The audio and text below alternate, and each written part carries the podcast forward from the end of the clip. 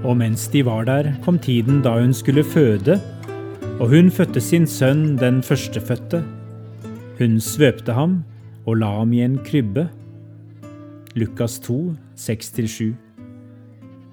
Du skulle fortelle meg om ei ung jente, sa Elisabeth oppmuntrende. De to kvinnene hadde satt seg på benken for å fortsette praten.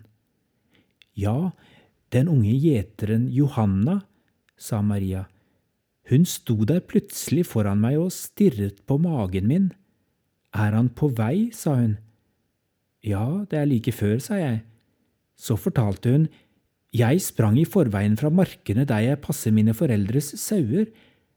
De andre gjeterne og jeg så et syn av engler som sang og fortalte om en nyfødt frelser her i Betlehem, og dette tegnet skulle vi se etter, sa den ene engelen, barnet skal være svøpt og ligge i en krybbe.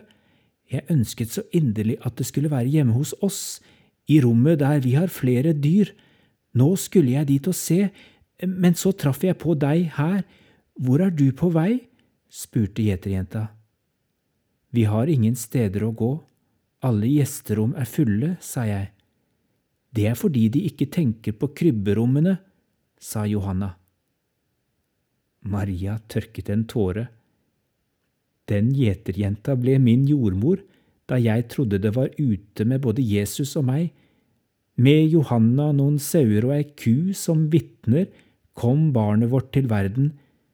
Selv om det var jeg som bar Frelseren, så bar vår himmelske Far både Josef, Jesus og meg den kvelden. Det var i Betlehem det skulle skje, og han hadde aldri forlatt sin plan selv om vi famlet rundt i mørket, sa Maria. Herren er god, evig er hans miskunn, utbrøt Elisabeth.